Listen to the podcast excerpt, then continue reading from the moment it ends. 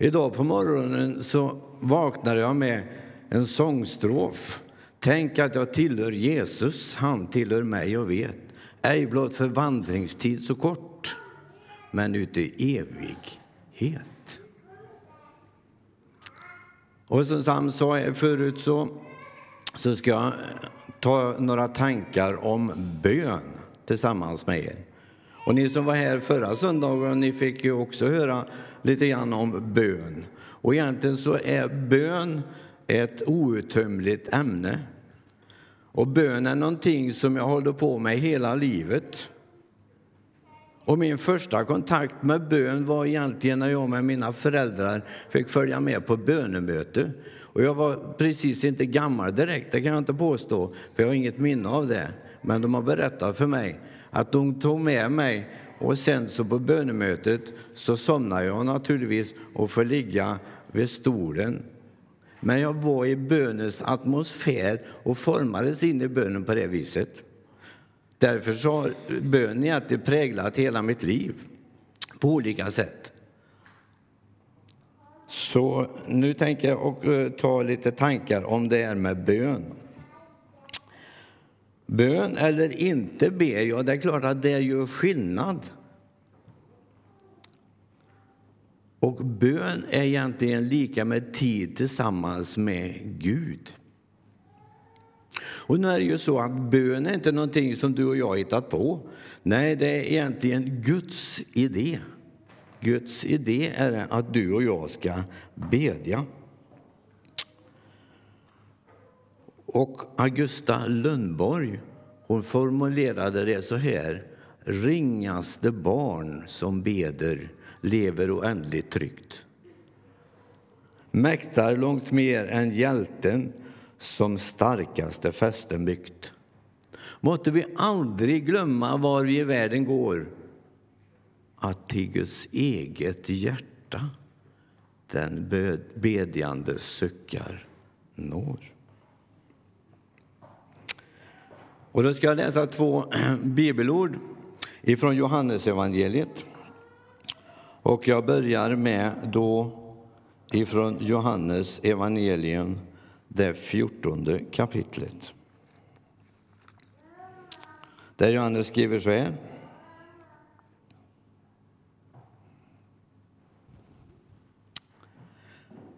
Och vad ni än ber om i mitt namn ska jag göra så att Fadern blir förhärligad genom Sonen.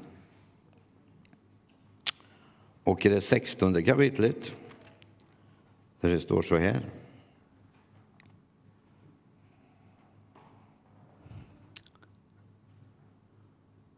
Sannerligen säger jag er, vad ni ber Fadern om i mitt namn, det skall han ge er.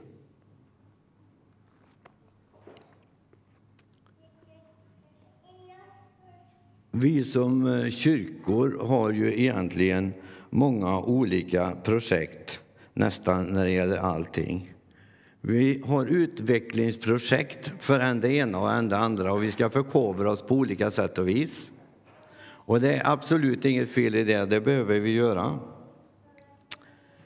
Men det är få kyrkor egentligen som har någon utvecklingsområde när det gäller bön.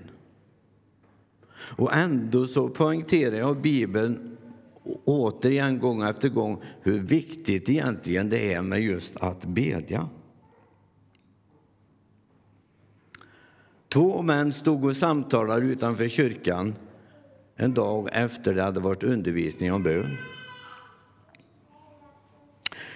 Den ene sa, jag tycker det här med bön det är toppen, det är fantastiskt jättebra. Men, sa han, jag är rädd för att det kan gå till överdrift. Vad menar du, sa den andra. Ja, folk skulle kunna bli så upptagna av bön att de inte gör någonting.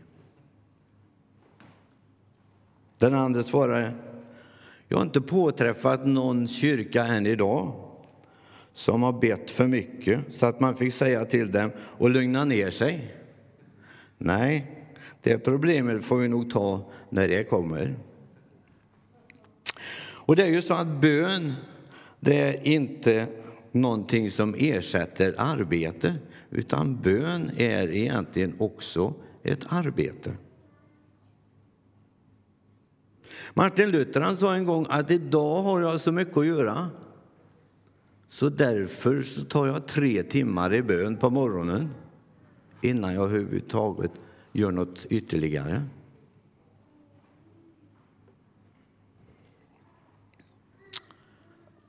Så ska jag läsa ett ord från Uppenbarelseboken. I tredje kapitlet står det så här. Se, jag står vid dörren och bultar.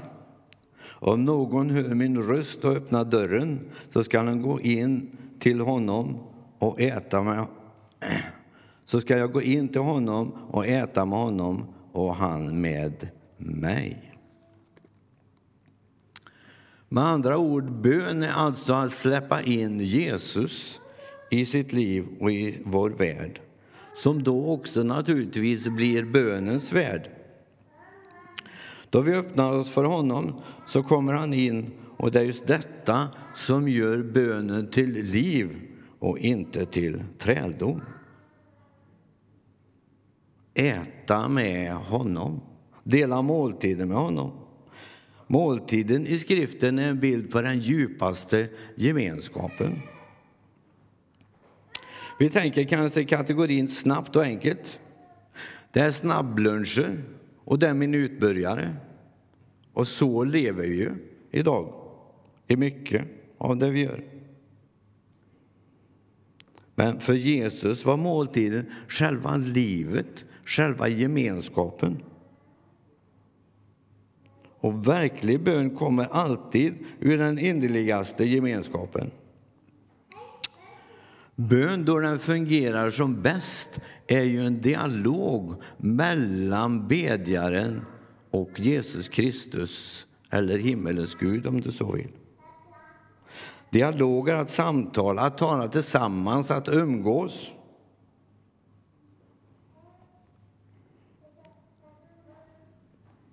Ett lyssnande, ett talande. Och lägg märke till att bön är aldrig någonting som du och jag får tid med. Det oftare dyker upp det att ja, jag ska bara göra det här så ska jag ta mig tid att be. Jag ska bara få undan det här så får jag tid att be.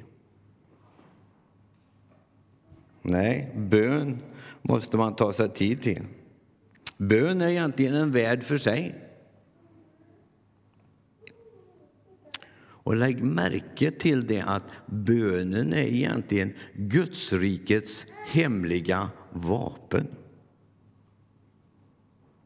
Och man kan säga att det är ungefär som en missil som skjuts iväg blir avfyrad mot vilken plats som helst på jorden. Och hur fort går det? Jo, det går med tankens hastighet. Med tankens hastighet. Och den kommer alltid att träffa sitt mål.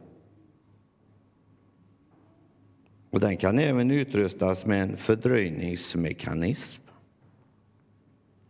I sin bön i Johannes 17 så säger Jesus så här.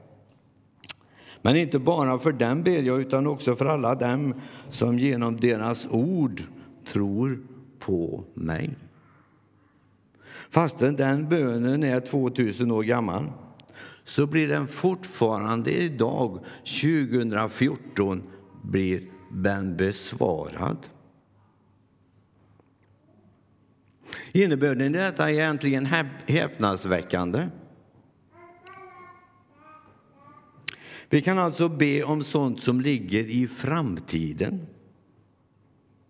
Till exempel våra barns liv, eller till och med våra barnbarn. Ett bönens arv kan du och jag ge till dem. Böner riktade till Gud långt innan barnen är födda till och med. Och böner besvarade efter det du och jag också har gått ur tiden.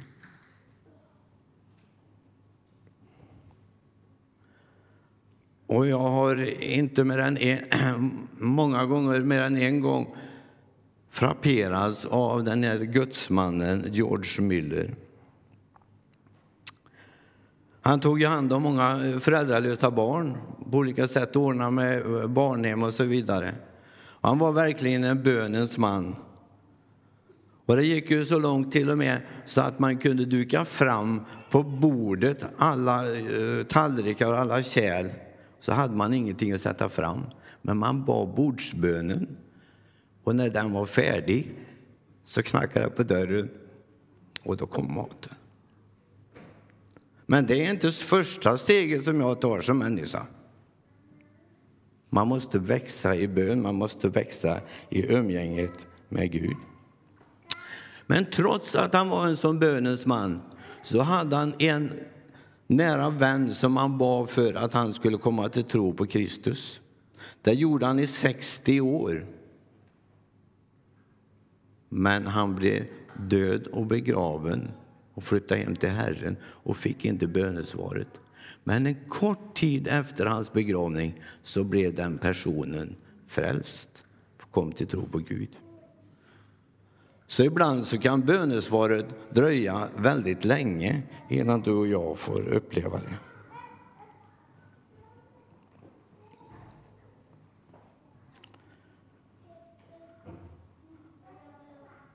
Men det fantastiska också är ju det att Satan har inget sätt att försvara sig emot det vapen som vi har. Nej, han har ingen antibönmissil. Han kan inte hindra oss för, från att bedja. Visserligen försöker han och visserligen vill han göra det, men hans möjligheter är inte så stora.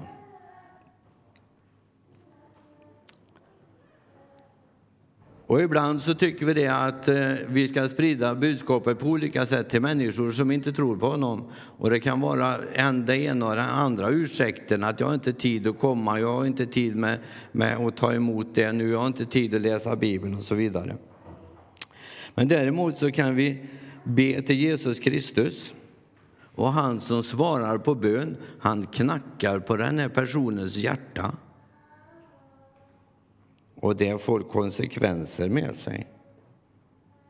Människor som vi inte kan nå på annat sätt kan nås genom bön tack vare Guds nåd. Och en gång, i, eh, en gång när jag var i Norge på möten så berättade man för mig att det fanns en man i grannskapet där som hade legat svårt sjuk en lång tid. Och man tyckte väl inte han kunde uträtta så mycket. Men i alla fall så avled han och blev begraven och så skulle de anhöriga ta ihop sakerna efter honom och så vidare. Och när de höll på att röja och gjorde i ordning efter honom så fann de att han hade en bönelista. Och när de läste på den bönelistan så fann de det att de namnen som han hade på den bönelistan, det var de som hade blivit frälsta den sista perioden. Så han hade nytta även fast man inte tyckte att han gjorde någon nytta. Han bad om människor kom till tro på Jesus Kristus. Och Fanny Crosby hon skriver så här i en av sina sånger. Det finns en plats dit jag får gå, där oron ej mig stör. Jag öppnar får mitt innersta, där endast Gud mig hör. Ty bönen är den enda kraft som öppnar himmelen. Tron är den hand som leder fram, men bön är nyckeln. Och kom då ihåg att Jesus sa att vi skulle göra som han. Och vad gjorde han då? Jo, hans hemlighet skulle bli vår hemlighet och då kan man fråga sig om Jesus bad. Var det en ögonfallande del av hans liv? Om Jesus bara kunde säga och göra det han hörde, såg Fadern göra, var han tvungen att tillbringa mycket tid i att lyssna och se tillsammans med sin himmelske fader. Han drog sig ofta tillbaka för att tillbedja och sedan gick han ut för att tjäna. Och vad hände då? Jo, Jesu offentliga liv blev uppbackat av hans gemenskap i det enskilda och det fördolda med sin himmelske far. Och Bibeln och Johannes skriver om att om ni blir kvar i mina ord och mina ord blir kvar i er, så be om vad ni vill, säger Jesus, och ni ska få det. Och därför så uppmanar ju Bibeln oss att be om allt. Och ibland så kan vi tycka att det är svårt, att det tynger oss, och visst kan det göra det. Men vi får lägga allt i Guds händer och vara förvissade om att han tar hand och vård om det. Om ni ber om något i mitt namn skall jag göra det. Och Det är faktiskt så att Jesus under sin sista tid och sitt sista möte med sina lärjungar sa de där orden och upprepade dem sex gånger, ganska nära varandra. Och en man som eh, eh, heter Curtis Mitchell, han skriver om detta. I det enkla påståendet framställs bön som den främsta fakt mänskliga faktorn i förverkligandet av Guds plan på jorden. Med en förvånande tydlighet hävdade Kristus att gudomliga handlingar på något mystiskt sätt var beroende av trons bön. Alltså framställs bön som den troendes huvuduppgift. Det är den troendes uppgift att be. Det är Guds uppgift att förverkliga. När vi läser i Apostlagärningarna så finner vi det att Apostlagärningarna är full av bönemöten. Varje framstöt som den första kyrkan gjorde fullkomligt badade i bön. Se på till exempel kyrkan, eller den första församlingen. De bad i tio dagar, predikade i tio minuter och 3 000 människor blev frälsta. Alltså, allt sammans föregick av intensiv och ivrig bön. Den första kyrkan visste att den levde i ständig konflikt egentligen med världen runt omkring. Men den visste också något annat, att det enda säkra sättet att konfronteras med makten som var runt omkring och besegra fienden, den låg i bön. Därför är det ju fantastiskt att läsa om fantastiska händelser som skedde i samband med bön. Och bara ett exempel ur Apostlagärningarna 12, där det handlar om hur Petrus blev fängslad. Och han blev bara inte inlåst i ett rum, utan han blev fastkedjad till och med. Och församlingen de visste det, att de hade inte tillräckligt med inflytande eller prestige för att få Petrus ur fängelset med egen förmåga. Men de hade däremot tillräckligt med för att be honom ut ur fängelset. Petrus hölls alltså i fängslad och församlingen bad man ivrigt för honom. Och så läser vi om att Petrus han fick besök av en ängel som hjälpte honom ut ur fängelset. Och så lämnade ängeln honom. Och då visste han vart han skulle gå. Han gick nämligen till Marias hus, för där visste han att de bad. Och så var det Roder som skulle öppna när Petrus stod där och knackade på dörren. Och hon blev ju så förvånad och så ifrån sig att hon glömde att öppna. Och så sprang hon in tillbaka till de andra och sa Petrus, han är ju här nu. Nej, nej, nej, tyckte de. Det finns ingen möjlighet.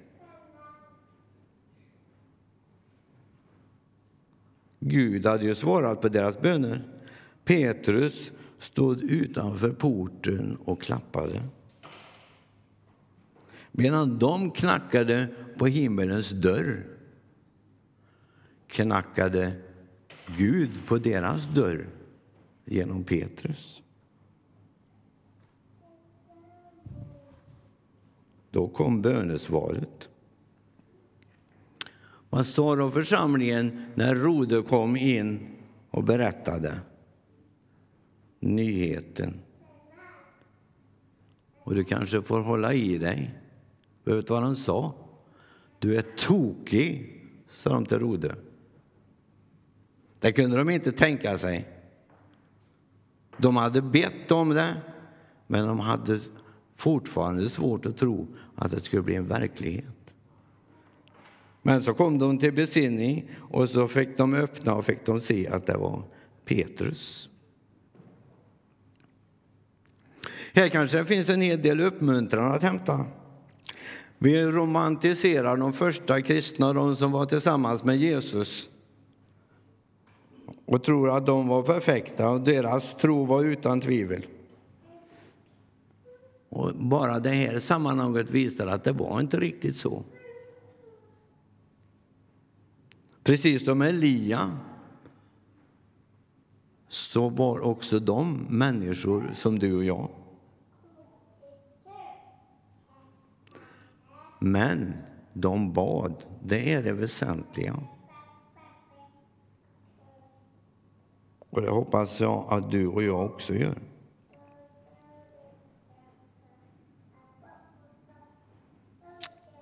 Och ibland är det så att Gud han svarar på våra böner fastän vi har klen tro på grund av sin stora nåd och barmhärtighet emot oss.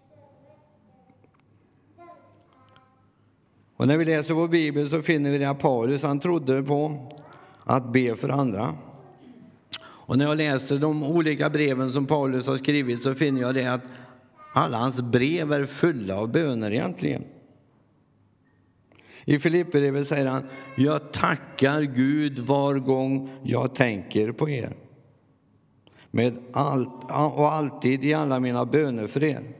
Och det är med glädje jag ber för er. Kan det sägas så om mig också?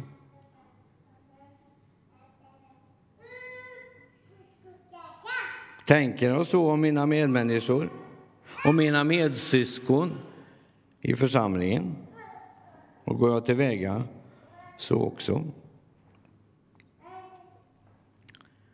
Ta vilken kyrka som helst i vårt land och kanske utöver vår värld också och bläddrar igenom medlemsregistret så kanske du kan bli förvånad över alla de människor som finns antecknade där. Människor som aldrig kommer till kyrkan. En gång i tiden så kom de.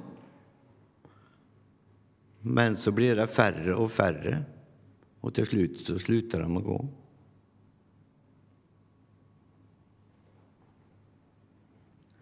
Låt mig då ställa oss en liten fråga till oss alla.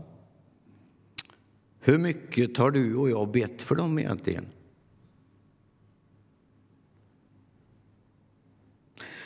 Tog vi bördan och förde dem till nådens tron?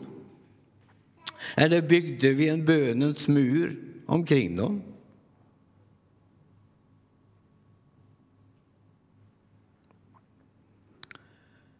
Det finns en dubbel smärta i att föda barn. En förlossning är alltid förknippad med stor fysisk smärta men den varar dock ändå bara några timmar. Och kanske den som föder inte tycker att det är så, bara några timmar. Men den smärta som är förknippad med att uppfostra ett barn, ja, det varar hela livet och det avtar aldrig. Paulus han kände till den dubbla smärtan. Hans stora omsorg Och eh, han visade som han var en andlig far. Vad gjorde han? Jo, han vaggade sina barn i förbönens armar. Det var därför han kunde skriva med, det med glädje, jag ber för er. Och på ett annat ställe skriver han, jag ber er i mitt hjärta.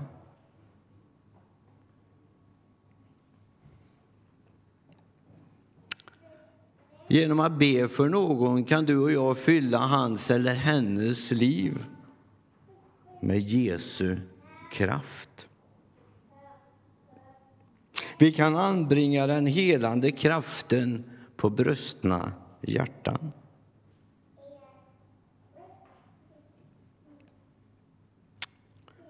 Ska vi komma överens om att be för dem som inte längre kommer till vår kyrka, de som är medlemmar i vår församling?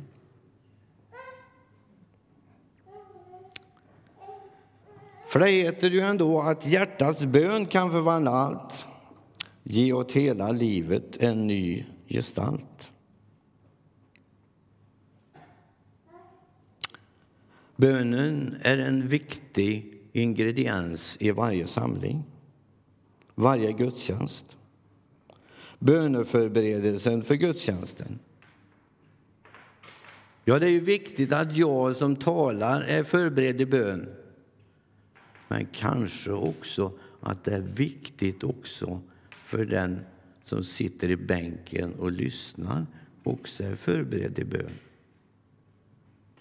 Eller tänker vi bara när vi läser predikoturerna eller annonserna att jag, det allt är förberett, jag går dit och sätter mig? Kan jag förändra någonting på gudstjänsten?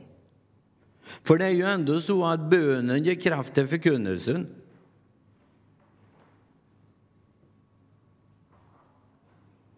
Och bönen ger kraft till under och tecken. Och bönen gör så att församlingen växer.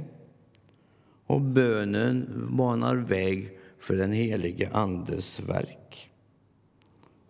Därför att Gud hör och svarar på bön.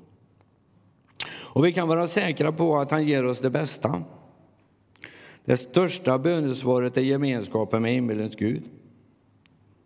Då vi i tro och bön tar tag i Guds hand finns det inga gränser för vad som kan ske egentligen.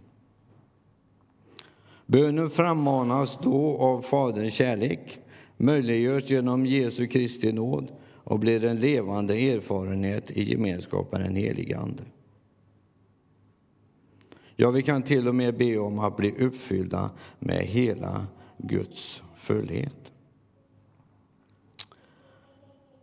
Och så till sist, hans kärlek är gränslös, hans nåd är oändlig. Hans kraft ingen människa utforskat än. Ty av sina väldiga eviga skatter han giver och giver och giver igen. Nu börjar den härligaste tiden i våra liv. Bönen det är världens största resurs. Amen. Jesus Kristus, tack för att du som lärde dina lärjungar att be. Du vill också lära oss att gå bönens väg. Tack för de många vittnesbörden och de många händelserna som skett som svar på bön, Herre. Men tack för att du är densamme idag, Herre. Tack för att denna uppmaning som du har gett oss denna förmiddag om att bedja i ditt namn. Tack för att du vill, Herre, lägga den på allas våra hjärtan och liv. Tack för att du som så väl tar hand och vård om oss allesammans. Hjälp oss som dina barn att ta hand och vård om oss, om varandra, Jesus. Tack för att vi nu ska få fira den största av alla måltider. Måltiden som du själv har instiftat. Tack för att det alltid en helig stund att samlas vid nådens bord. Tack Herre för att du förmår att göra långt mer än vi kan be eller tänka. Tack för att du fortfarande är undrets Gud. Amen.